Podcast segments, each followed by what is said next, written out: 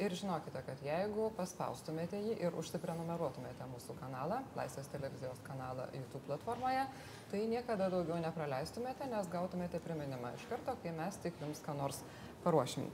Šiandieną kalbėsim apie tai, jog Ramūnas Karbauskis, e, valdančiosios Seimo frakcijos vadovas, sako, susipažinęs su ta informacija, dėl kurios premjeras kreipėsi į specialiasias tarnybas dėl e, galimai Lietuvoje organizuojamo perversmo. O premjeras Saulis Karnelis sako, kad tą raštą Ramūnai Karbauskiui pers, persiuntė vyriausybės kanceliarija dėl galimų grėsmių. Kas iš tikrųjų yra tame rašte ir kas jį parašė, bent jau man šiandieną sužinoti nepavyko, bet bandysime išsiaiškinti per laidą. Taip pat bandysime aptarti ir tai, kaip turėtų elgtis atsakingi valstybėje politikai su galimais įtarimais, kad specialiosios tarnybos yra įtraukiamos į politinius žaidimus. Ir taip pat kalbėsime apie tai, ar realiai veikia valdžių atskirimo principas, ar galima daryti na, negerų prielaidų, kad kartais tie dalykai yra susipainioję. Šiandieną pas mus studijoje yra ponas Vytautas Bakas, Seimo nacionalinio saugumo ir gynybos komiteto pirmininkas, jo kolega komitete Juozas Olekas, tada teisininkas Algimantas Šindeikis ir Marius Laurinavičius, politikos analitikas. Pirmiausia, norėčiau kreiptis į poną Baką. Gal jūs žinote, nes jūs esate arčiausiai tos informacijos, kuri turbūt galėjo būti pateikta ir jums. Jeigu valstybėje yra grėsmė dėl perversmo, tai galbūt, galbūt ir jūs gavote tą raštą iš vyriausybės kanceliarijos dėl, dėl tų grėsmių. Tai ačiū už klausimą. E, iš tiesų komitete kolegos žino, kad e, dviejus metus tai, ką gaunu aš, gauna visi kiti komiteto nariai. Matyti tokių klausimų net ne, ne, ne, ne, nėra pagrindo reiškia kelti. Kelti yra pagrindo, bet, e, bet tai, ką aš gaunu, turi ir kiti komiteto nariai. Dabar kitas klausimas svarbu tas, kad premjeras, kaip ir kiti aukščiausi valstybės vadovai, turi teisę kreiptis į žvalgybos tarnybas, kriminalinės žvalgybos tarnybas, netgi įstatymė atskirai yra numatyta tokia kontrolės forma kaip vyriausybinė kontrolė. Ir tiesą sakant, e, e, tie kreipimais yra ne vienas. Dar daugiau galiu pasakyti, ne visą informaciją gauna komitetas, pavyzdžiui, ką gauna prezidentė ar premjeras ar Seimo pirmininkas. Ir atvirkščiai, ne visą informaciją teikiama premjerui arba kitiems valstybės vadovams, kurias gauna NSGK, pavyzdžiui, su parlamentiniu tyrimu. Tai buvo taip, kad aš čia nematau kažko tokio ypatingo. Premjeras. Tai, jeigu aš gerai suprantu, jūs negavote tos informacijos ir mes kalbam apie kažką, ką matė, ką žino Staulius Karnelis ir, ir ponas Ramonas Karbauskis, bet jūs dar ne. Mes gaunam informaciją ne, apie grėsmės. Šitą visada. kažkokią konkrečią. Aš nelabai įsivaizduoju, apie ką mes kalbame. Tai kad bėda tame, kad... Man atrodo, reikia palaukti e, ir tada galėsim kalbėtis. Mes kiekvieną savaitę gauname informaciją, kuria yra pagal užduotis, kurias suformulavo valstybės gynimo taryba. Tai e, aišku, yra tame tarpe apie grėsmės valstybei ir, ir ne visada apie tai kalbama garsiai kartais tiesiog reikalinga, kad priims sprendimus, juos pagrysti. Tai iš tiesų, na, mano manimu, čia mes turėtumėm tiesiog sulaukti, tada galim kalbėti, nes dabar tos spekulacijos atrodys šiek tiek keistai. Na, bet Bent ar nekeistai pozicija. atrodo ir tai, kad yra kalbama apie kažkokias grėsmės, tai yra apie tas grėsmės, yra, info, žino, na, realiai turbūt du žmonės, tai yra premjeras ir jį premjerų paskyrusios frakcijos vadovas. Bent jau man tikrai nepavyko rasti daugiau žmonių, kurie šiandieną žinotų apie tai.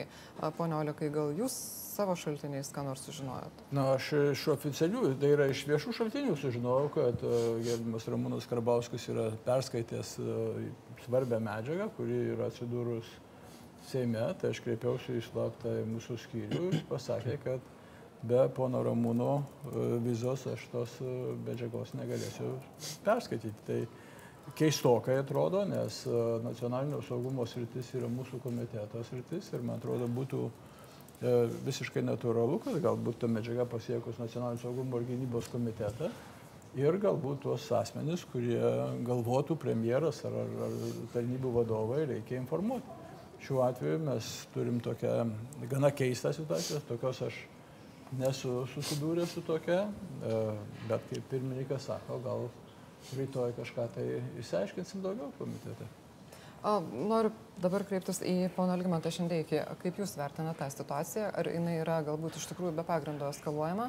Ar yra pagrindo galvoti, kad nėra viskas visai aišku iki galo, kai kalbam apie du žmonės valstybėje, kurie žino, kokios gali būti kilusios grėsmės, o mes nežinom nei apie grėsmės, nei kas apie jas pranešė. Na tai čia buvo pasakyta iš tikrųjų, kad premjeras tokią teisę turi, jis gali kreiptis ir e, pats saugumo departamentas taip konstruojamas yra, kad jisai iš tikrųjų atliktų valstybės vadovų užduotis, rinkti tam tikrą informaciją. Tai teisinė prasme, tai kad valstybės vienas iš vadovų, premjeras kreipiasi ir gauna informaciją, tai yra labai normalu. Kita vertus, e, e, reikia neužmiršti labai svarbaus šitam momentui, tokioj krizės situacijoje, sakyčiau, atsakingo valdymo principo, kuris yra taip pat konstitucijos principas yra. Ir ta teisė, kuri numatyta yra valstybės vadovams gauti informaciją, kokiu tikslu žmogus tą teisę naudojasi. Ar jis naudojasi tą teisę tam, kad tikrai gauti informaciją, kuri labai svarbi yra valstybei, ar jis naudojasi tą informaciją politiniais asmeniniais tikslais. Tokiu atveju, antrasis atvejis, sakyčiau, jisai prieštarauja konstitucijai. Nes e, jeigu yra siekiam politinių tikslų, tai tas labai greit paaiškės, nes jeigu ta informacija yra niekinė, nieko neverta yra, tai visas tas politinis na, spektaklis arba veikimas, jisai parodys, kad yra neatsakingai valdoma valstybė. Tai yra pažeidinėjimas žmonių teisės. Noriu priminti iš tikrųjų, kad prasidėjo labai daug kas nuo to mokytojų streiko ir, ir tai buvo bandoma išnaudoti politiniais tikslais, mano požiūriu pamirštant labai dažnai visiems beje, ne tik politikams ir žurnalistams e, turi atkreipti dėmesį esmę reikalo, kad e, mūsų valstybės nesaugumas yra susijęs ne tik tai su išorės priešais. E, mūsų valstybės nesaugumas susijęs yra su tuo, kad mes blogai administruojam savo valstybę. Ir jeigu yra didelis sluoksnis viešojo sektoriaus žmonių, kurie yra, negali gyventi pagal savo pajamas, tai reiškia, valstybė yra labai nestabilioje situacijoje ir mes galime sprokti nebūtinai iš išorės bombos, o galim viduje bombų sprokti. Dėl to ta situacija, sakyčiau, viena yra verta gilaus tyrimo. Ir šituo atveju būtinai vertinti, koks buvo tikslas tos informacijos eskalavimo. Ar jinai turi turinį, ar tai yra politinis blefas.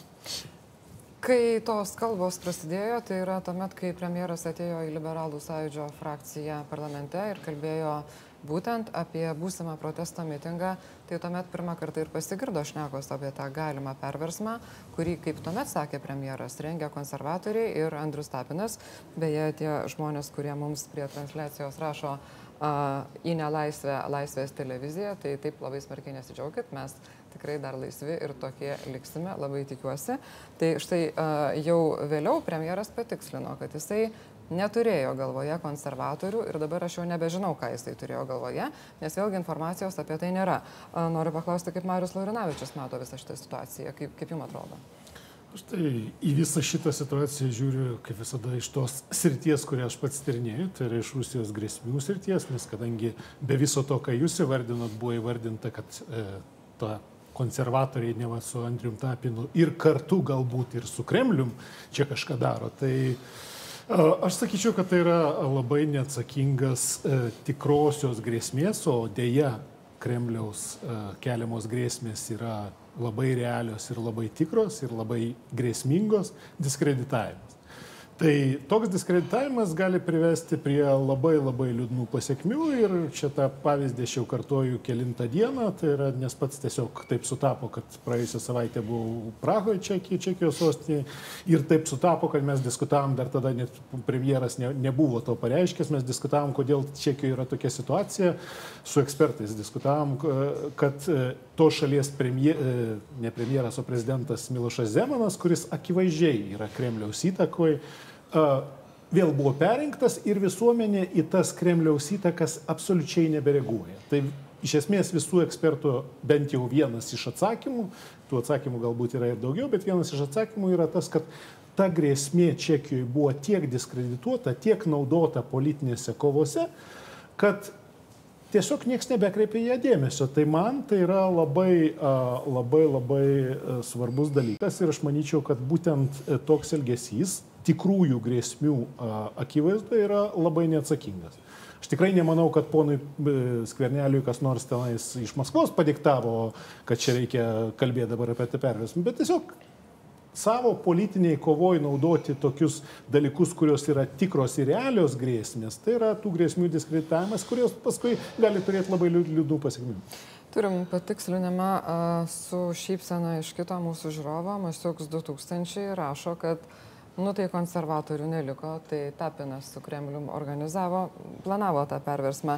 Bet e, kalbant rimtai, iš tiesų, situacija Prancūzijoje ir tai, ką kalba Marius Laurinavičius, leidžia manyti, kad pagrindo nerimui tikrai yra. Tikrai gali būti ir yra kai kuriuose valstybėse Rusijos kišimasis į kitų šalių vidaus reikalus. Ką turėtų daryti ir kaip turėtų elgtis atsakingas politikas, kuris iš vienos pusės nenori niveliuoti ir sumažinti tos realios grėsmės, iš kitos pusės neturėtų norėti įtraukti į politikavimą specialiųjų tarnybų.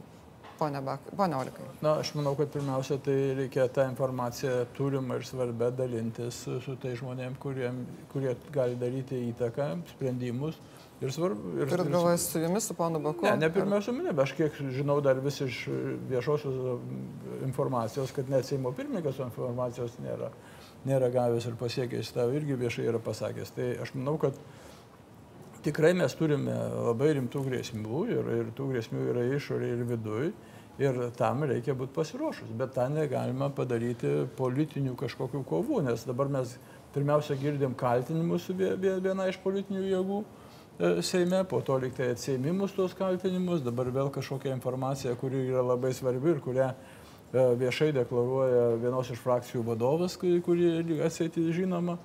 Tai susėskim, yra ir, ir Seimo valdybos, yra galų galia gynybos taryba, jeigu tokia grėsmė tai yra svarbi, susirinkim ir, ir tyliai įsiaiškinkim ir primkim sprendimus, kurie turi būti priimti, o ne bandykim viešoje erdvėje eskaluoti. Dabar jau, jau viešoje erdvėje aš girdžiu, kad jau reikalavimos pavardės. Paminėti, kad yra pavardės ir reikia atskleisti pavardės. Gal tas pavardės kaip tik nereikia atskleisti, kol ne, kad kad nebūtų žinomi tie veikėjai, apie kurie ten minimi.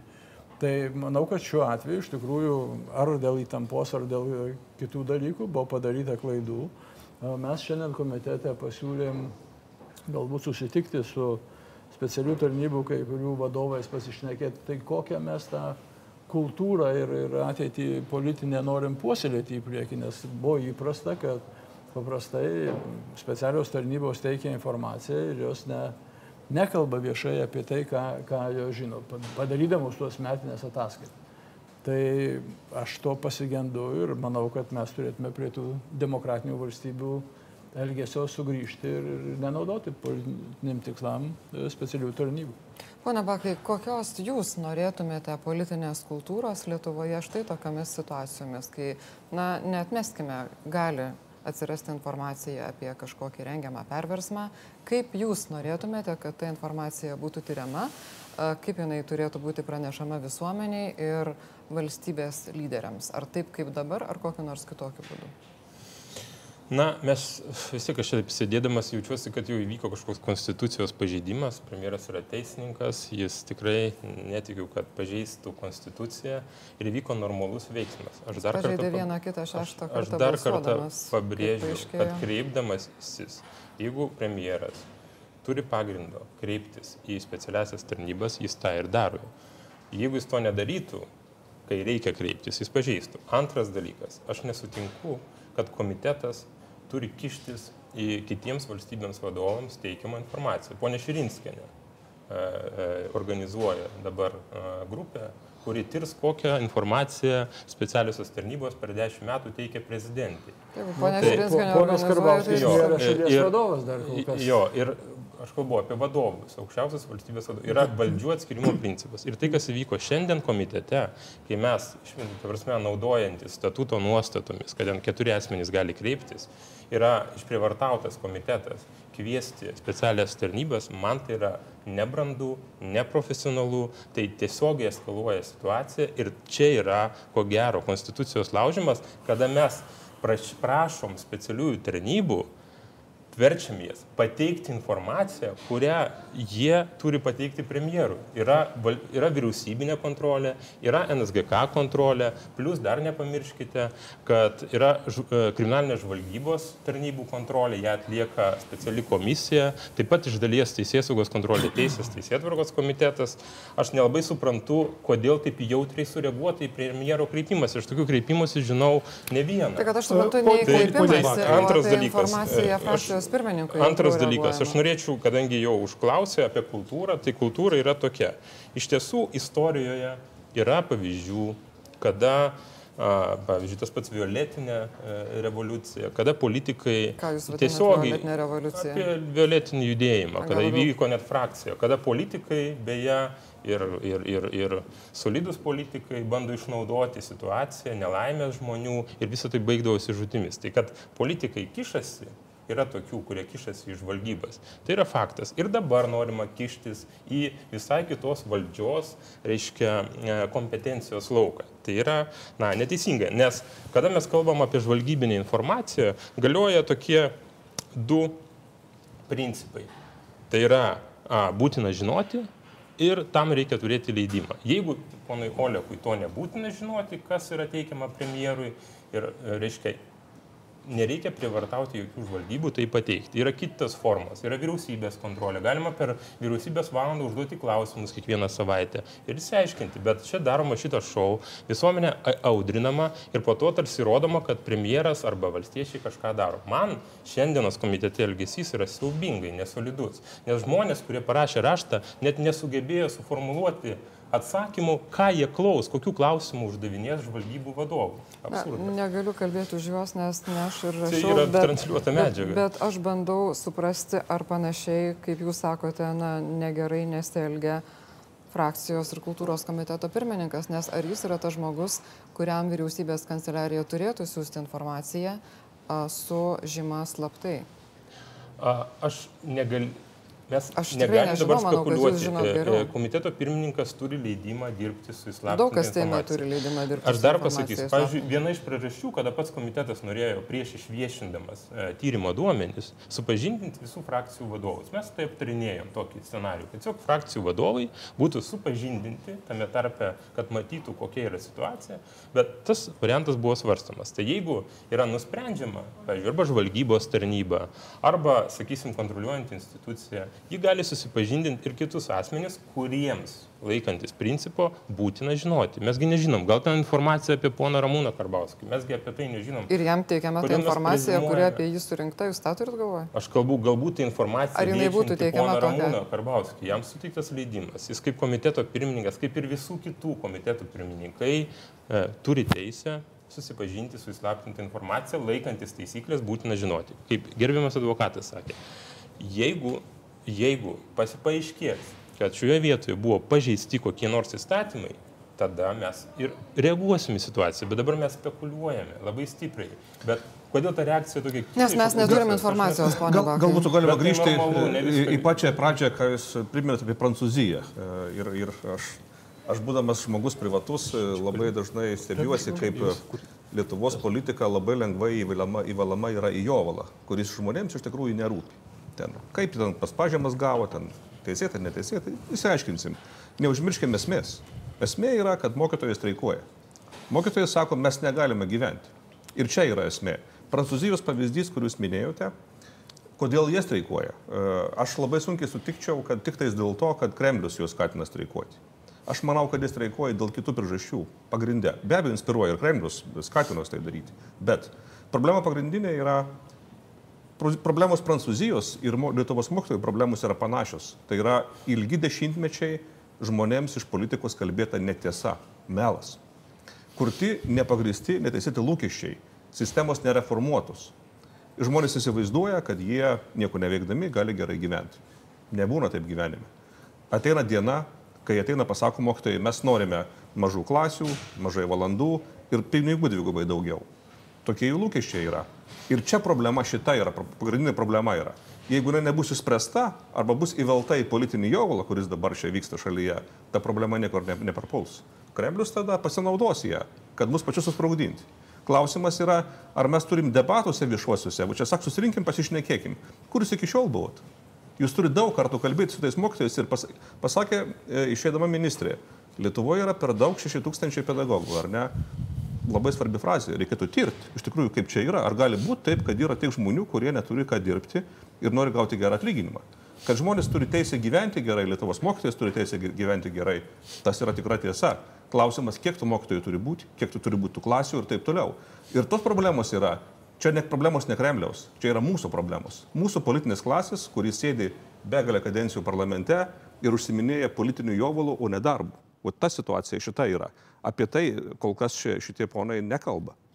Ja, ja. Daugiau neužduoda. Grįžtume į, į pokalbio pradžią. Tai vienas iš tikslų turbūt ir būtų kalbėti apie tai, štai kaip rašo vienas mūsų, e, tiksliau, ar tiesa yra tai, ką rašo vienas iš mūsų žiūrovų, e, Gintautas Kazlauskas, kuris sako, bus šnipštas iš didelio burbulo, tai kad būtų nukreiptas dėmesys nuo realių problemų. Tai iš tiesų, kiek e, galima taip ir sakyti, kad yra sukeltas kažkoks galimų perversmų, galimų slaptų pažymų, neaišku kieno, neaišku kam, nematytų prezidentės ir nuo realiųjų problemų, nuo tų pačių mokytojų problemų, arba tiksliau nevadinčiau to mokytojų problemom, tai yra švietimo sistemos problemos ilgai nespręstos, tai ar mes tikrai nesame tą įveliami ir tuo pačiu ar nėra diskredituojamos specialiosios tarnybos, kai jos irgi yra įveliamos į visą šitą reikalą, Mariu.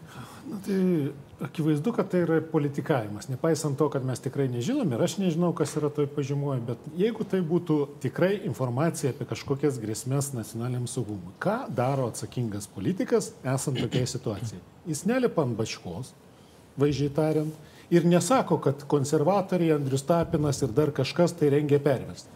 Jeigu jisai, kaip ponas Bakas sako, turi teisę kreiptis į tarnybas, tai jisai ir kreipiasi į tarnybas, bet neišleidžia tos informacijos, labai jautrios informacijos į viešų. Nu, nes, nes, pirmia, nes pirmiausia, pirmiausia, kas buvo padaryta, tai ponas premjeras išleido informaciją į viešų.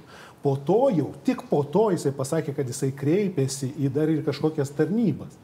Tai esmė yra ir jeigu ta informacija iš tikrųjų yra apie realias grėsmės, Tai, nu, man tikrai yra sunkiai įsivaizduoti, kaip šitoj valstybei ta informacija apie realias grėsmės yra dalinamasi su bet kokiu Seimo nariu ar Seimo komitetu, nesvarbu, kad Seimo komiteto pirmininku, nesvarbu, kad jis turi teisę dirbti su slapta informacija, bet nesidalinama su svarbiausiais valstybės asmenim. Ponas Olekas kalbėjo apie gynybos tarybą palaukit, jeigu tai yra iš tiesų kažkas tai, apie ką yra galima net įvardinti pe, galimų perversmų, net ne perversmų, bet perversmo rengimų, tai yra gynybos tarybos reikalas.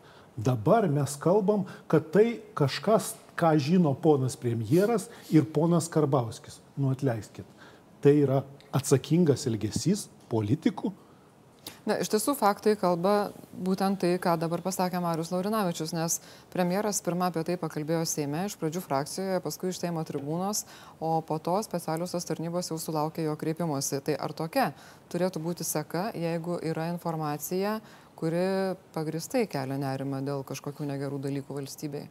Žiūrėkit, aš tada noriu e, pakviesti apsispręsti, ko mes, e, ko, vis, e, ko nuomonių lyderiai, kaip ponas Laurinavičius, na, nori iš vyriausybės Seimo. Neseniai Spėčiau, buvo, kad atsakingo elgesio. Jo, jo, neseniai buvo skandalas, kad vyriausybė netransliuoja pasitarimo arba posėdžių. Dabar sako viešai, kalbame, mes irgi kada kreipiamės, nu, viešai skelbiam savo nutarimus kartais turinio nebūna, bet nutarimus, sprendimus skelbiam viešai. Įvyko normalus, manyčiau, įprastas veiksmas. Ir kodėl įprastas?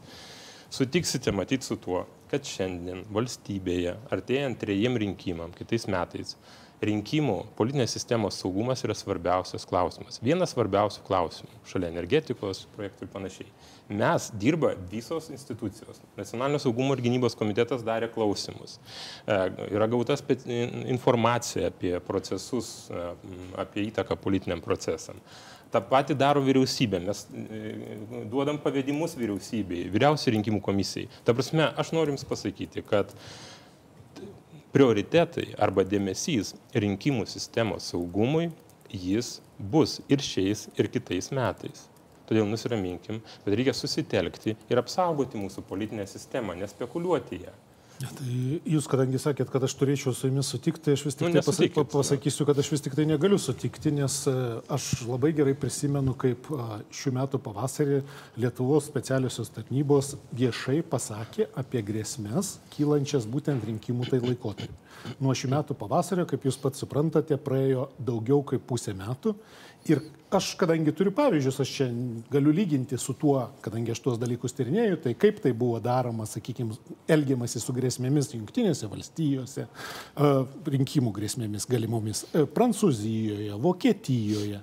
Ir aš, kadangi vėlgi domiuosi pakankamai, tai norėčiau sužinoti tai, kas Lietuvoje yra padaryta realiai, kad tas grėsmės užkardinti. Mes net retorikos lygyje, o ta retorika dėje irgi yra labai svarbu, mes taiga išgirdome apie kažkokius perversmus, bet mes nieko negir, negirdime, ką vyriausybė ruošiasi, kaip jinai apsaugos tuos rinkimus nuo Rusijos kišimosi ir panašiai. Tai yra ten, kur yra pačios specialiosios tarnybos įvardijo grėsmės, tai mes nieko nedarom, O, o tada pats premjeras iš kažkur gauna kažkokią informaciją ir jau kreipia čia į specialiasias tarnybas, sakydami, kad ne, ne, grėsmė yra iš kitos pusės. Na, aš manau, kad negalim turbūt sakyti, kad nieko nedaroma. Ta informacija yra dalinamasi ir matyti tam tikri žingsniai yra padaryti ir bus daromi toliau. Ir, ir Seime priiminėjami įstatymai, ir kibernetinio saugumo, ir informacinį apsaugos yra. Bet gal, gal turėtume daugiau. Žiūrėkit. Kalbant, aš tuoj pabaigsiu, kada neperturiu tam. Bet aš manau, kad šiuo atveju mes turim tokį, nu, išskirtinį atvejį. Ta informacija, kuria lyg tai dabar kažkur jinai sklando, mes matyt susižinosim, kurio, kurio, kuri nepasiekia mūsų visų šalies vadovų, e, bent jau Seimo pirmininkas dar šiandien sakė, kad jo nepasiekė. E, jos pagrindų premjeras išmeta tokią, na, kaltinimą, netgi sakyčiau, pačioj, pačioj Seimo tribūnų, kad mūsų kolegos e, daro kažkokius darbus, kuriuos turi patikrinti specialiosios tarnybos. Tai čia yra, jeigu reikia kažką patikrinti, tai patikrinkime. Ir jeigu bus kažkas daroma, tai tada imkime priemonių arba, arba užkardinkime. Bet dabar yra lygtai apkaltinti, panaudota ta informacijos gautos per slaptais kanalais, slaptų tarnybų kaip kaltinimas ir po to bandoma atsitraukti ir, ir dabar tokios, vat, e, kaip katė su pelė elgiamas. Tai aš manau, kad čia yra klaida ir tą reikėtų užstaptelti ir ramiai Seime, nacionalinio saugumo komitete, valdyboje pasiaiškinti iš tikrųjų, kaip ta informacija vaikšto. Nes jeigu kalba kolega apie šalies vadovų teikiamą informaciją, tvarkoja, jie turi žinoti. Bet jeigu informacija ateina į Seimą, tai apie saugumo klausimais, tai aš manau ir Seimo pirmininkas, ir nacionalinio saugumo komitetas turi žinoti. Aš neįsivaizduoju, kad gali būti tokia informacija e, pateikiama Seimui kad tik kultūros komiteto pirmininkas gali žinoti, o kitiem ta informacija neturi būti prieinama. Man atrodo keistok.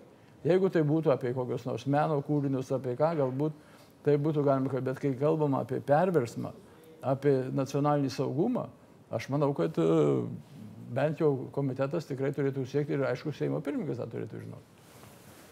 Pone Bakai. Na, žinot, aš čia viskas sukrauta taip į krūvą. Visos emocijos per pastarąsias dvi savaitės sukrauta į krūvą, tada jos sintetinamos, ištraukiamas kažkokie, kad čia perversmas, premjeras krypdamasis į e, specialiasias tarnybas, kiek aš skaičius spaudoj, apie kažkokį perversmą nekalba. Na, kaip kalba. Krypdam, kaip motivacija. Jisai kalbėjo, kalbėjo visai kituose kontekstuose, kai kreipiamasi dar nebuvo, jeigu aš teisingai suprantu. Bet žiūrėkit, tai man labai nemalonu spekuliuoti, aš nenoriu to daryti, bet, e, nu, jeigu jau taip spaudžiat, tai aš tada kitą klausimą keliu, o ko jūs tai bijot, kad premjeras kreipiasi į specialiasias tarnybas. Gal yra pagrindo bijoti? Aš nežinau. O kas nes... bijo, palaukit. Tai aš kalbu politikams. Sutinku, ko čia yra tai bijoma? Ne, tai aš tai... kalbu apie tai, kad tai yra neatsakingas elgesys ir labai realios problemos, nes Kremlius buvo įvardintas diskreditavimas. Būtent aš kalbu apie tai. Tai viena iš problemų. Antra problema, apie kurią aš neku, tai yra, kad taip aš nematau realaus a, vyriausybės darbo užkardant tikrasias grėsmės grėsmės, tai yra mes neturim antihybridinės strategijos, jos niekas ne, neruošia, mes neturim antihybridinio centro ir daugybės dalykų mes neturim, jau nekalbant apie tuos dalykus, kurie yra tiesiogiai susijęs su rinkimais ir buvo įvardinti specialiųjų tarnybų šį pavasarį. Tai aš dar kartą, ponas Olikas sakė, kad yra ruošimas.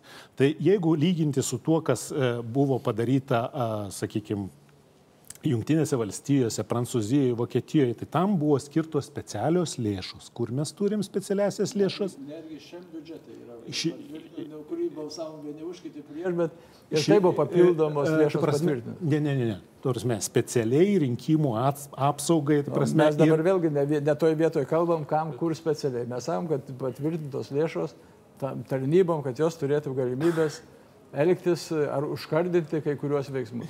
Bet, čia- va- bet, aš, bet aš noriu sugrįžti prie to, ką mes ir kalbėjom. Dėl, Aš, aš galės prieš, kai mes sugrįšime, aš noriu pacituoti, apie ką mes labai tiksliai turėtume kalbėti. Tai e, praėjusią savaitę Saulis Karnelis Seime pareiškė, kad e, konservatorių veikimas yra Kremliaus politikos vykdymas, tai yra bejonių yra, ar ten nėra sąsajų su Rusijos specialiosiomis tarnybomis, tą sakys specialiosios tarnybos. Antradienį jis sakė, kad laikosi kiekvieno savo žodžio ir taip kalbėjo. Aš įvardėjau, kad nekeičiu savo žodžių pasakytų apie konservatorius, o kreipiausi, kas man priklauso pagal pareigas kaip ministrui pirmininkui. Tačiau vėliau jau paaiškėjo, kad konservatorių pavadinimo tame kreipimėsi nėra. Ir kaip juokavo mano kolega Andrus Tapinas, tai kas tuomet liko, tik tai Tapinas ir Kremlius. Tai tokios buvo tikslios citatos, jeigu nuo pat pradžių. Visų pirma, norėčiau padėkoti Andriui Tapinui, kad jis atrado profesinės sąjungas. Iš tikrųjų, juos, ir- jas reikia Palikim dabar ir konsultuoti. Tapiną, ir Ir, baigi, ir tikrai nereikia šone. klyjuoti etikečių. Aš ir pats buvau, kada pradedi protesto akcijas, pradeda klyjuoti etiketės. Mes tiek priklyjavom žmonėm etikečių su tais prorusiškumais, kad įpilėti būti nevyriausybinės organizacijos lyderių yra kartais, na, tam tikra margina, marginalizavimas savo paties. pone Bakai, aš bet dabar, būti kokia nors ypatingai nemandagi, bet jūsų partijos premjeras ką tik šitą etiketę apie- užklyjavo tam pačiam Andriui Tapinui, kuriam jūs taip dėkojat už profsąjungo atradimą. Tai gal mes vis dėlto E, atsakinėkime. Faktas, kad neramumais visom, e, visom silpnybėm valstybės, jos yra išnaudojamos hybridinėme kare. Čia patvirtins, na, bet Mano kas. klausimas ir yra, ar Kada tie neramumai pradeda veikėjų kištis- taip pat negali būti išnaudojamos Dabar- hybridinėme kare. Tai va tam, kad nebūtų išnaudojamas, iš tikrųjų, na, tokio smegenų centro autoritetingo vadovui nu, tikrai gal ne- nepridera neikti tai, kas yra padaryta per pastarosius metus saugumo srityse. Konkrečiai dėl skaidrių rinkimų. Šiandien, tik šiandien, paskutinis veiksmas vyriausybė pritarė baudžiamojo kodekso pataisom, kur kriminalizuoja neteisėtą partijų finansavimą. Praeitą savaitę sukurtas tinklas Kalbama apie VRK įgaliojimus iš, iš, išplėtimą. A, Toliau, nacionalinio saugumo strategija, skirtas finansavimas, jūs juokaujat. Tursime, pagrindinis šitos vyriausybės ir valdančiosios daugumos prioritetas yra saugumo klausimai. Tai Tik tai skiriant pinigus kažkodėl- VSD bu- bu- buvo di- didelių problemų ši- šitam naujajam biudžete. biudžete. nu, įtikinom, buvo sunku skirti milijonas eurų. Frakcijoje žmonės sunku, prašė po sunku. 300 tūkstančių. Mokytojai prašė, piketuoja. Medikai, tai biudžetas tai yra kova. Nu, taip, bet mes įtikinome. Tai- tai- o Premjeras o- o- atsižvelgia į NSGK pasiūlymą. Pri- Biudžetas yra kova, bet jūs tik sakėt, kad čia yra pats pats prioritetas. Be tai- abejo. Bet- Išaugo finansavimas krašto apsaugai 2,5 karto. Nu, ką, Ne, per ka- du metus. me- Mes, nu, me- mes kalbam ne apie krašto apsaugą. me- dešimtuke mes NATO šalių mes- finansuojančių Mes gynybą. kalbam ne apie krašto apsaugą, mes Per kalbam apie vadinamasias hybridinės grėsmės arba grėsmės iš Rusijos. Tai konkrečiai kalbant apie šituos rinkimus, tai vėlgi vienas iš e, patikrintų ir daugelio šalių naudojamų ir kaip e, gerasias praktikas skleidžiamų e, pasipriešinimų strategijų yra viešas komunikavimas apie Rusijos grėsmės. Bet ne toks komunikavimas, koks buvo įvyko dabar, kai dabar, ta prasme, mes kalbam apie perversmą, bet valstybės taryba, e, gynybos taryba apie tai nieko nešneka, nes, nu, jeigu būtų perversmas, matyt, bent jau grėsmės, tai išnekėtų.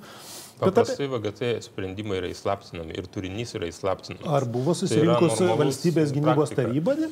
Aš kažkaip negirdėjau, kad valstybės gynybos taryba būtų susirinkus. Ar buvo? Aš, jeigu gerai atsimenu, pagal teisės aktus grifas slaptai negali būti uždėtas bet kieno, ant bet ko ir bet kada. Abejo. Tai bet, na, galvokim, kaip minėjo ponas Šindeikis, gal vis dėlto į tuos klausimus atsakys kažkoks tyrimas ir mes sužinosim. Pone Oleka, jūs ketinat replikuoti ir aš niekaip jums Taip, aš, aš manau, kad mes turim sugrįžti prie pono Šindeikio pasakymų. Iš tikrųjų, kokiam aplinkybėm ta informacija buvo paskleista.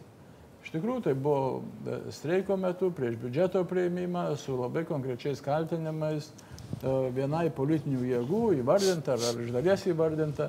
e, panaudota tam kaip takim, slapta informacija, kaip viešas spaudimas politiniam oponentui.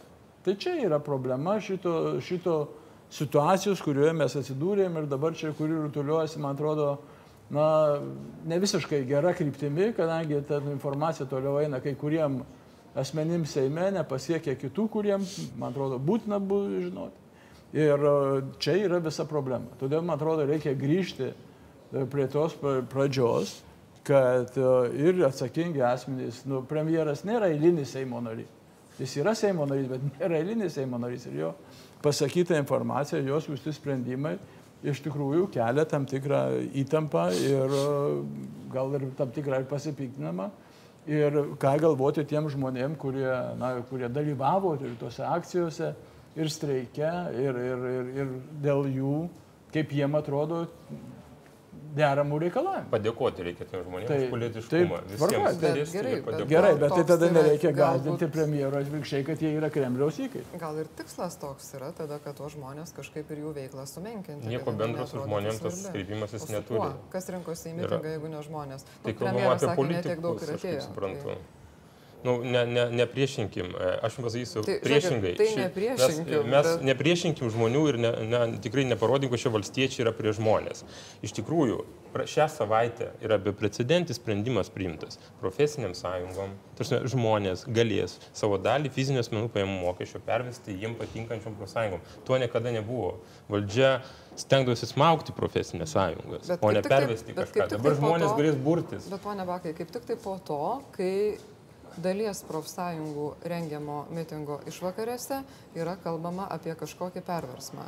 Tai ar... to. Aš pasiregistravau tą pataisą dar vasarą. Žiūrėkit, aš ne apie pataisas kalbu dabar, apie tai pataisos yra primtos, bet prieš pataisų prieimimą ir prieš tą galimybę žmonėms remti profsąjungas, dalis Lietuvos profsąjungų buvo įveltos į būtent šitą kontekstą, ką kalbėjo premjeras, kad į tą mitingą, na, į mitingą ateis žmonės, o tą mitingą organizuoja kažkokios galbūt priešiškos jėgos. Noriu pacituoti žurnalistės Juratės Damulytės viešą įrašą Facebook'e, kuriame jinai teigia, Politikoje manipulacijos yra toks gana įprastas žanras. Jų būna subtilių, būna ir primityvių. Šiandien Ramūnas Karbauskis ėmėsi tokios, sakyčiau, labai primityvios. Pasiskelbė gavęs slaptą oho kokią pažymą apie ohoho kokias grėsmės. Kas rašė pažymą, ponas Karbauskis neprisiminė. Paaiškėjo, kad ponui Karbauskiui ir tik jam siuntė ohoho kokią instituciją. Vyriausybės kanceliarija. Tiek rimta situacija, tiek, rimtos, tiek rimta situacija ir tiek rimtos grėsmės, kad prezidentės Seimo pirmininko NSGK koalicijos partnerių ar kitų parlamentarų informuoti poreikio nebuvo. E, Gal ne viską žinom, rašo ponia Juratė Damulytė, bet kol kas man tai panašu į tokį patyčių lygmenį. Pone Šindėkė, ar sutinkat, kad ligmuo gali būti balansuojantis ties patyčiom? Na, iš tikrųjų, aš vis dėlto manau, kad mūsų politika daugeliu atveju, e, jeigu ne antikonstituciškai, nors čia buvo pastaba padaryta, kad čia nėra jokio pažeidimo, tai elgesi bent jau nesulydžiai. Iš tikrųjų, premjeras teisėto tikslo gauti informaciją kreipiasi netinkamu būdu. Čia yra problema, šitoje vietoje yra. Tas teisė numatyta įstatymė kreiptis e, informaciją yra tikslas tos įstatymų yra gauti informaciją, kuri yra jautri. Ir jeigu tokia jinai yra, reaguoti. Bet ne taip, kaip jis pasielgia. Jisai kreipiasi informacijos ir iškart komunikuoja, kad ojojoj, kokią aš informaciją turiu ir ką aš dar tai gausiu. komunikuoja, tada kreipiasi Jo, informacijos. Tai, tai, tai yra tiksliai pigus politikavimas. Premjeras beje siekė labai švento ir labai svarbaus tikslo. Jo tikslas buvo patvirtinti biudžetą. Tikrai valstybės stabilumas su laiku patvirtinti biudžetą yra mūsų vertybė. Tikrai tai yra. Klausimas yra, ar tam tikslui įgyvendinti tu gali pasirinkti labai nelegantiškas politinės formas. Aš prieštaraučiau tam, kad taip galime elgtis, nors politikoje tai yra, net ir europiniai politikoje, tai yra įprastas dalykas, ne tik Lietuvoje.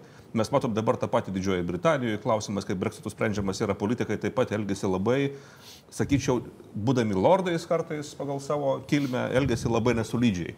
Tai yra būdinga ir mūsų politikai. Beje, šitą politinę kultūrą aš negalėčiau pasakyti, kad atsakingas už jos sukūrimą yra ponas Varnelis.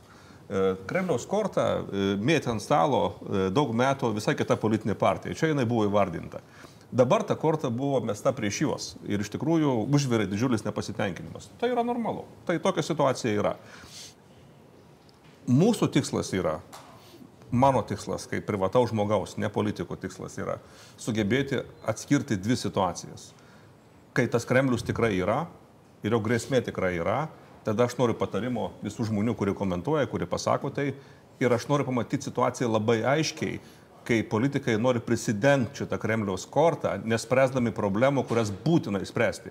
Dar kartą kartoju, pedagogai turi teisę gyventi mūsų valstybėje oriai Ir čia yra pradžia problemos. Net jeigu bus puikus saugumo departamentas, puikus analitikai, puikios pažymos, teisingai vaikščios, jeigu mokytojai gyvens skurde, šitos valstybės galų gale gali nelikti.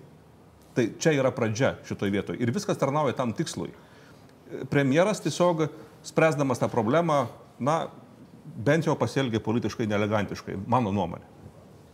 Tai apie ką Jūs kalbate, apie tą a, kalbėjimą arba žaidimą Kremliaus kortą, kad tą darė kita politinė jėga, kuri čia buvo paminėta, na, tai yra dabartinė konservatorių partija, kuri a, dar 92 metais taip pat jos atstovai iš parlamento rūmų a, skaitydavo, pavyzdžiui, tokius dokumentus.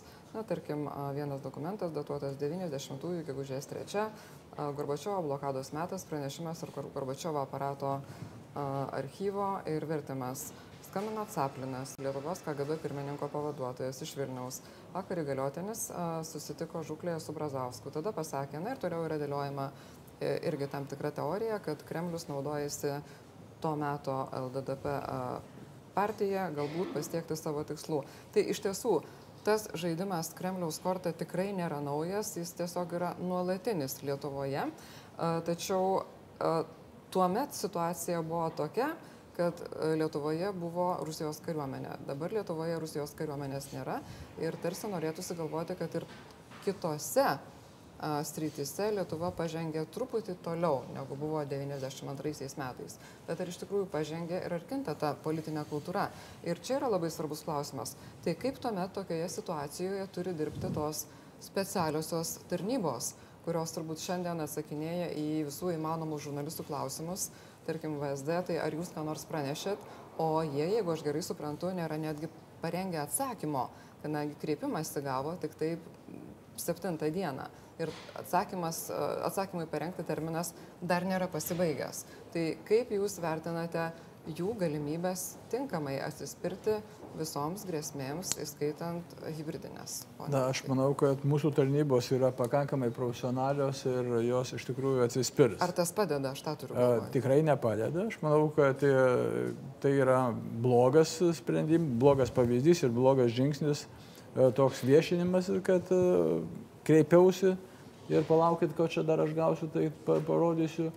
Už tai dar kartą kartuoju, kad e, Seime, Nacionalinio saugumo gynybos komitete mes iškėlėm tą iniciatyvą keletės e, narių, kad norėtume susitikti, aptarti ir pabandyti, na, tiesiog užkardinti, kad ateityje tokių dalykų negalėtų būti, arba bent komiteto nuomonė būtų uh, patarimas gal tiem žmonėm, kurie, kurie to nesupranta, kad mes turėtume branginti, saugoti, o specialiasis tarnybas o tais kylančias problemas, kurios na, kyla natūraliai žmonių noro gyventi geriau ir su tam tikrom galbūt ir, ir protesto ir streikų akcijom spręstume, spręsdami tais problemas arba panaudodami kitas priemonės, bet jokių būdų ne, netraukdami į viešumą kažkokias specialiųjų tarnybų pažymas ir jas pritemdami.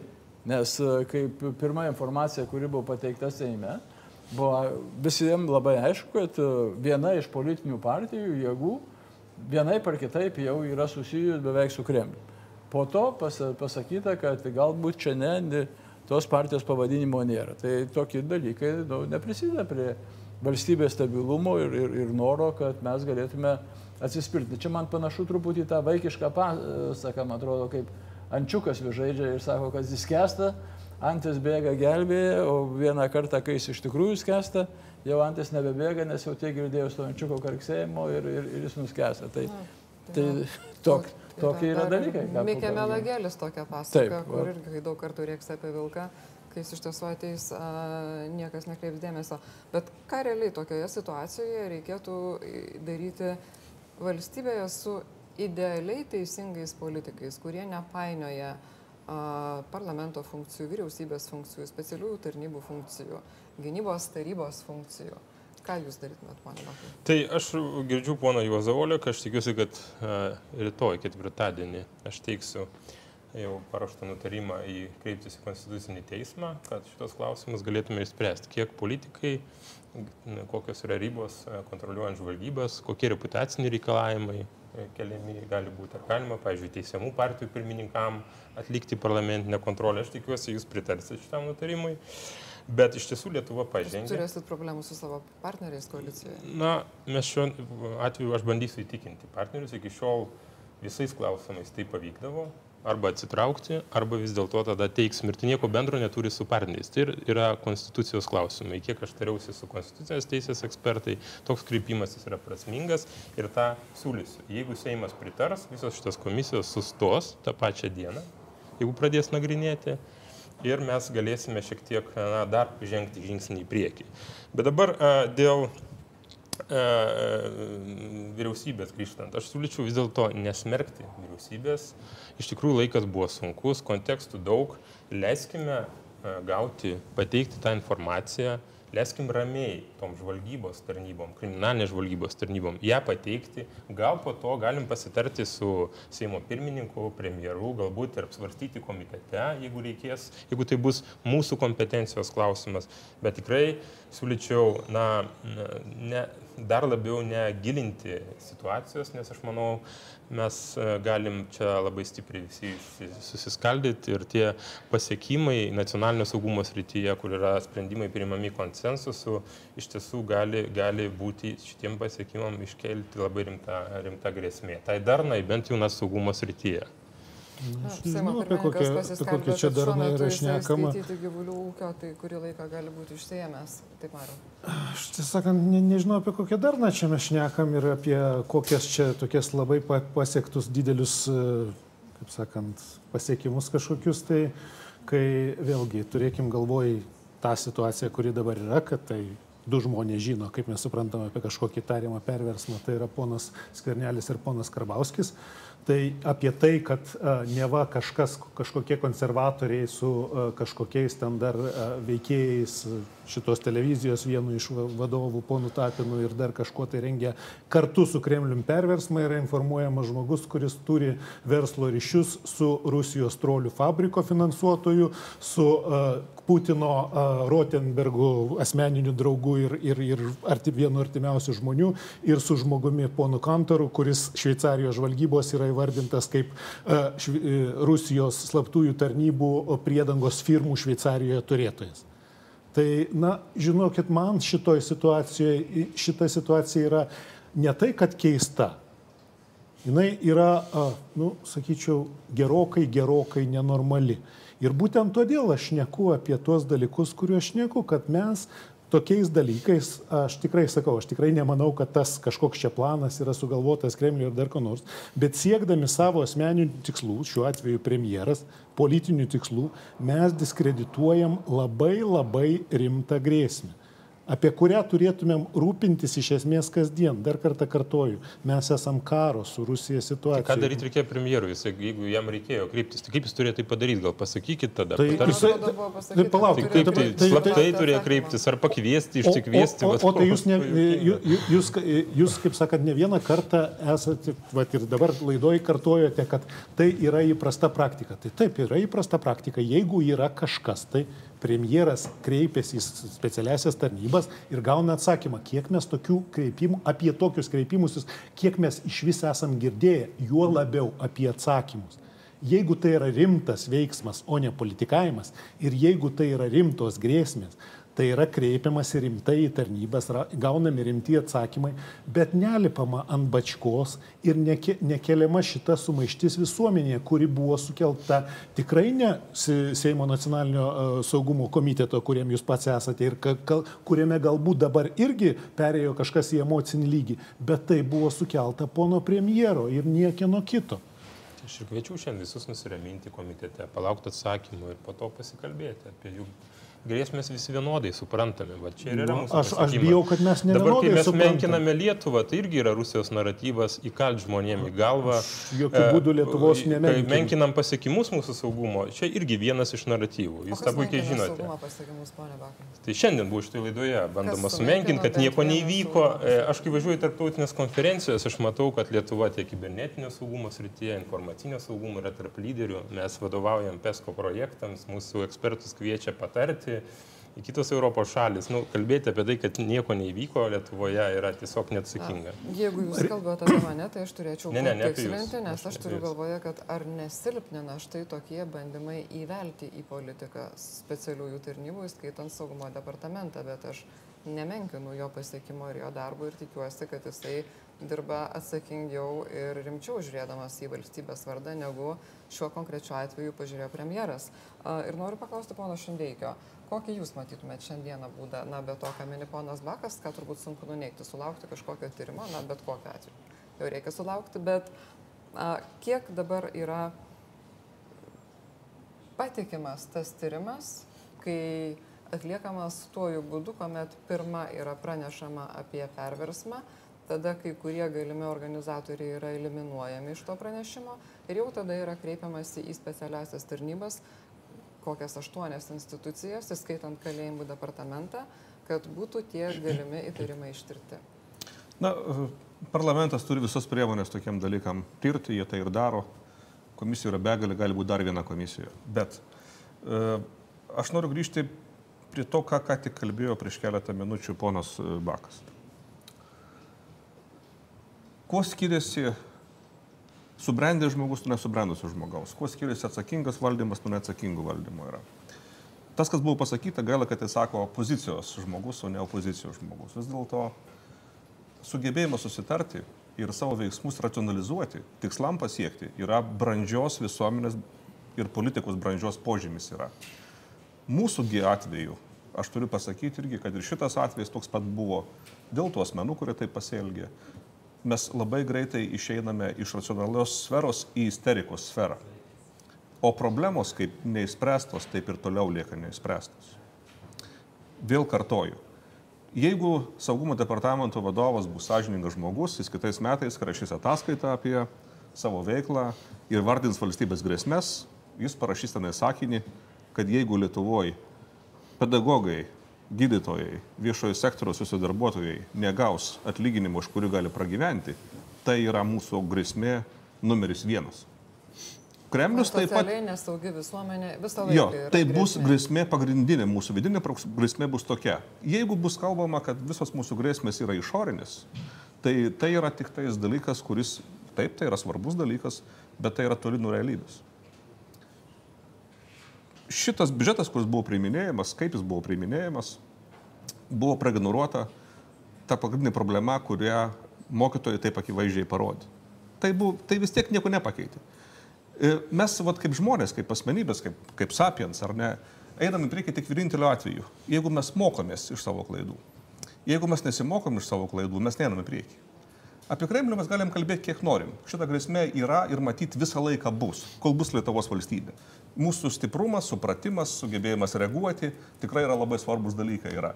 Bet pagrindinė problema šiandien, mano asmeninė nuomonė, aš nesu politikas, yra tai, kad mes ypatingai prastai, ne mes, šitie ponai, kurie yra politikai, ypatingai prastai administruoja mūsų valstybę. Ir nesugeba veikti racionaliai, sutelkti tam bendras pastangas, kad pasiekti bent minimalių rezultatų, kuri leistų žmonėms oriai gyventi šitoje valstybėje. Nemeluoti mūsų žmonėms. Nes tas, kas vyksta Prancūzijoje, ateis ir pas mus. Labai trumpą pastabą apie Vokietiją. Čia buvo šiek tiek pasakyta apie Vokietiją. Prieš keletą mėnesių Vokietijos konstitucinis teismas priėmė labai svarbų nutarimą, kurį reikėtų paskaityti ir Seimo nariams. Ten yra pasakyta labai svarbus dalykas. Uždrausta yra Vokietijoje streikuoti viešojo sektoriaus darbuotojams. Apskritai yra draudžiama. Tokios teisės jie neturi. Iš viso. Ir pasakyti labai svarbus dalykai yra konstituciniai. Viešas sektorius yra per daug svarbis rytis, kuria žmogus galėtų turėti tokią protesto formą kaip, kaip galimybę. Nes valstybė turi gauti visus, visas paslaugas, už kurias žmonės moka. Jeigu žmogus nori protestuoti, jis turi išeiti iš darbo, tada gali protestuoti. Jeigu jis nori protestuoti, gali protestuoti ne darbo metu, bet negali tai daryti darbo metu.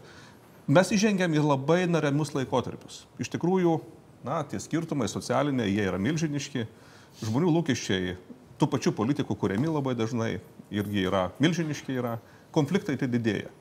Be abejo, visko šituo pasinaudos Kremlius. Tikrai naudosis tuo. Bet neužmirškime, kad reikia kovoti ne tik su Kremlium, o reikia kovoti su savim, kad problemas tas įspręsti. Na, iš tikrųjų, nacionalinio saugumo strategijoje yra įvardintos e, šitos grėsmės ir reikia tik tai tam skirti dėmesio. Dabar matyti, laivelės truputį pasvertas į vieną pusę. E, turėjome gerą progą priminėdami šį biudžetą ir kaip tik buvo turbūt čia tas vat, ir tų sentencijų pasakymų metas, kada viešasis sektorius, vedamas gal mokytojų, prašė tą problemą pradėti spręsti iš esmės. Deja, mes tuo nepasinaudojom. Valdančioji dauguma nusprendė, kad reikia greitai užverti tą prieimimą ir neduoti atokvėpio nors savaitėlė, kuri, man atrodo, būtų šiek tiek irgi sušvelninus, bet matyti, kad ateityje ta problema tikrai yra viena iš pagrindinių, kurias mes turim spręsti. Ir todėl turim atkreipti ypatingą dėmesį, kad mokytojai, visas viešasis sektorius tikrai būtų tas, kuris bus didžiausias valstybės ramstis, e, kylant e, įvairiom, įvairiom grėsmėm, o ne, ne tas, kuris pirmasis nusisuks, e, pamatęs, kad jis yra kažkur tai paraštės. Pone Bakai, ir sutiktumėte su pastebėjimu, kad po šio na, audringo biudžeto prieimimo ir nebūtinai ne tokio, kokio, tikrai ne tokio, kokio būtų norėjusi opozicija ir a, dalis a, švietimo profsąjungų, kad valdančioje daugumoje atsirado žmonių, kurie norėtų daugiau tartis, negu norėjo tartis iki šio biudžeto prieimimo. Valdančioji dauguma iš tiesų didelė dalis atėjo iš profesinių sąjungų ir tarkim gera. Jo, tai iš tiesų mes mm, savo ne tik norais, bet ir veiksmais skatiname įstraukimą žmonių. Neperkame atskiras profesinės sąjungas, kaip buvo kartais iki šiol, bet uh, sukūrėme sąlygas įsitraukti žmonėms. Dabar ką aš dar noriu pasakyti, kad uh, jūs teisingai pasakėte, viešasis sektorius, atskirtis, tai yra didžiulės grėsmės ir tas numatyta strategijų, bet tai yra pasiekme. Tai yra pasiekme tų politikų, kurie sukūrė tokį rezultatą. Ir aš noriu Jums pasakyti, kad dabartinėme biudžete, nu, apie tai kažkodėl tai mes nekalbame, bet yra skiriamos ir mokytojams, ir sveikatos priežiūrai beprecedentės sumos, pačiam darbo užmokesčiui apie 50 milijonų. Vakar dar kartą peržiūrėta, dar plus, man atrodo, 8 milijonai. Tai iš tikrųjų aš sutinku, kad a, a, didžiausias iššūkis ir esamai, ir būsimai politikų kartai yra būtent tos viešojo sektoriaus degradacija ir didžiulė atskirtis, kur yra Lietuvoje. Tai jeigu mes dėl to galėtume susitarti, jeigu žmonės, kurie eis ateityje į politiką, galėtų tą idėją na, būtų patraukli visuomeniai, be abejo mes žengsim dar e, nemažą žingsnį į priekį. Ir kalbant apie nacionalinio saugumo ir gynybos komiteto indėlį, pats parlamentinis tyrimas buvo iš esmės ir skirtas tam, tom interesų grupėm, kurios skurdino visuomenę, kurios pelnėsi jautriausių, silpniausių žmonių sąskaitą, kūrė savo verslus. Mes tą prašėm, dar noriu pasakyti, nu neprisimeskime, kad čia nėra Kremliaus įtakos. Paimkim išvadas ir mes pamatysime ir dešinėje, ir kairėje, kas atvedė Rosatomą čia 2009. Pone Bakai, Marius kodėl jūs mane nutraukėte? Dėl to, kad jūs visą laiką apie tai pradedu kalbėti. Ar, ar, ar norit, kad aš pakartočiau, koks buvo klausimas? Ar po šito biudžeto prieimimo jūsų manimų valdančiojo daugumoje padaugėjo žmonių, kurie labiau norėtų tartis dėl to, kad, kaip minėjo ponas Šindėkis, gebėjimas susitarti yra brandaus politiko požymis? Visiškai, visiškai uh, atsakau taip nes e, vien žiūrint į vakardienos balsavimą, kaip mes e, balsavome dėl gyventojų pajamų mokesčių, apskritai ne tik valdančioji dauguma, bet ir opozicija priėmė tam klausimą ir panašu, kad čia mes matyt sutarėme, kad e, visuomenės įsitraukimas, visuomenės stiprėjimas, dalyvavimas sudėtingose reformose yra tiesiog būtinas, kad mes galėtume eiti į priekį. Po to, kai dalis visuomenės, streikuojanti dalis visuomenės sakė, palaukit dar savaitę ir pasišnekėkim, gal yra kitų sprendimo būdų, bet nepalaukit. Iš, iš tikrųjų. Tik, vieną pastabą, atsiprašau, nutraukiau. jeigu jūs kalbate, kad e, vis pinigų daugiau skiriama tam tikriems dalykams yra, tai problemos nesprendžia, nes tai yra matematika sudėtingesnė. E, Klausimas yra, kokio dydžio viešojo sektorius Lietuvoje mes galime turėti pagal savo sugebėjimus. Jeigu mes pasakome, ta frazė buvo pasakyta pačių beros profsąjungų žmonių, kad daug valstybių Europoje yra pedagogų atlyginimas yra maždaug 300 procentų virš vidurkių šalies, ar ne? Tai yra labai ne- nesudėtinga matematika. Paskaičiuokit atlyginimų masę, kokią gausis tada žmogus, kiek jis turi uždirbti ir kiek tada pagal tą dabartinį mūsų biudžetą gali būti pedagogų Lietuvoje. Tada paaiškės, kokį mes galime išlaikyti mokyklų tinklą ir taip toliau ir taip toliau. Bet tai yra estiškas būdas galvojimo. Kiek mes turime, ką mes savo galime leisti tam, kad tai būtų kokybiški dalykai. Ne kad būtų vaidyba, kad tai yra švietimas arba sveikatos apsauga, o tai yra tikras dalykas. Tai šito racionalumo mes, mes Lietuvoje, vat, čia yra problema, šitoje vietoje yra. Na, laikas, kurį mes šiandieną galėjome leisti čia, jau dėja baigėsi ir aš labai dėkinga Jums, kad atėjote. Dėkoju advokatui Elgimantui Šindeikiai, Marijui Laurinavičiui iš Vilniaus politikos analizės instituto e, ir Juozui Olekui su Vytautu Baku iš Seimo nacionalinio saugumo ir gynybos komiteto. Dėkoju visiems tiems, kas žiūrėjot, dėkoju tiems, kas remia. Perversmų mes nerengiame, remkite toliau, mes Jums rengsime laidas. Ačiū ir iki. Ką reiškia remia? Žiūri. Pinigų duoda.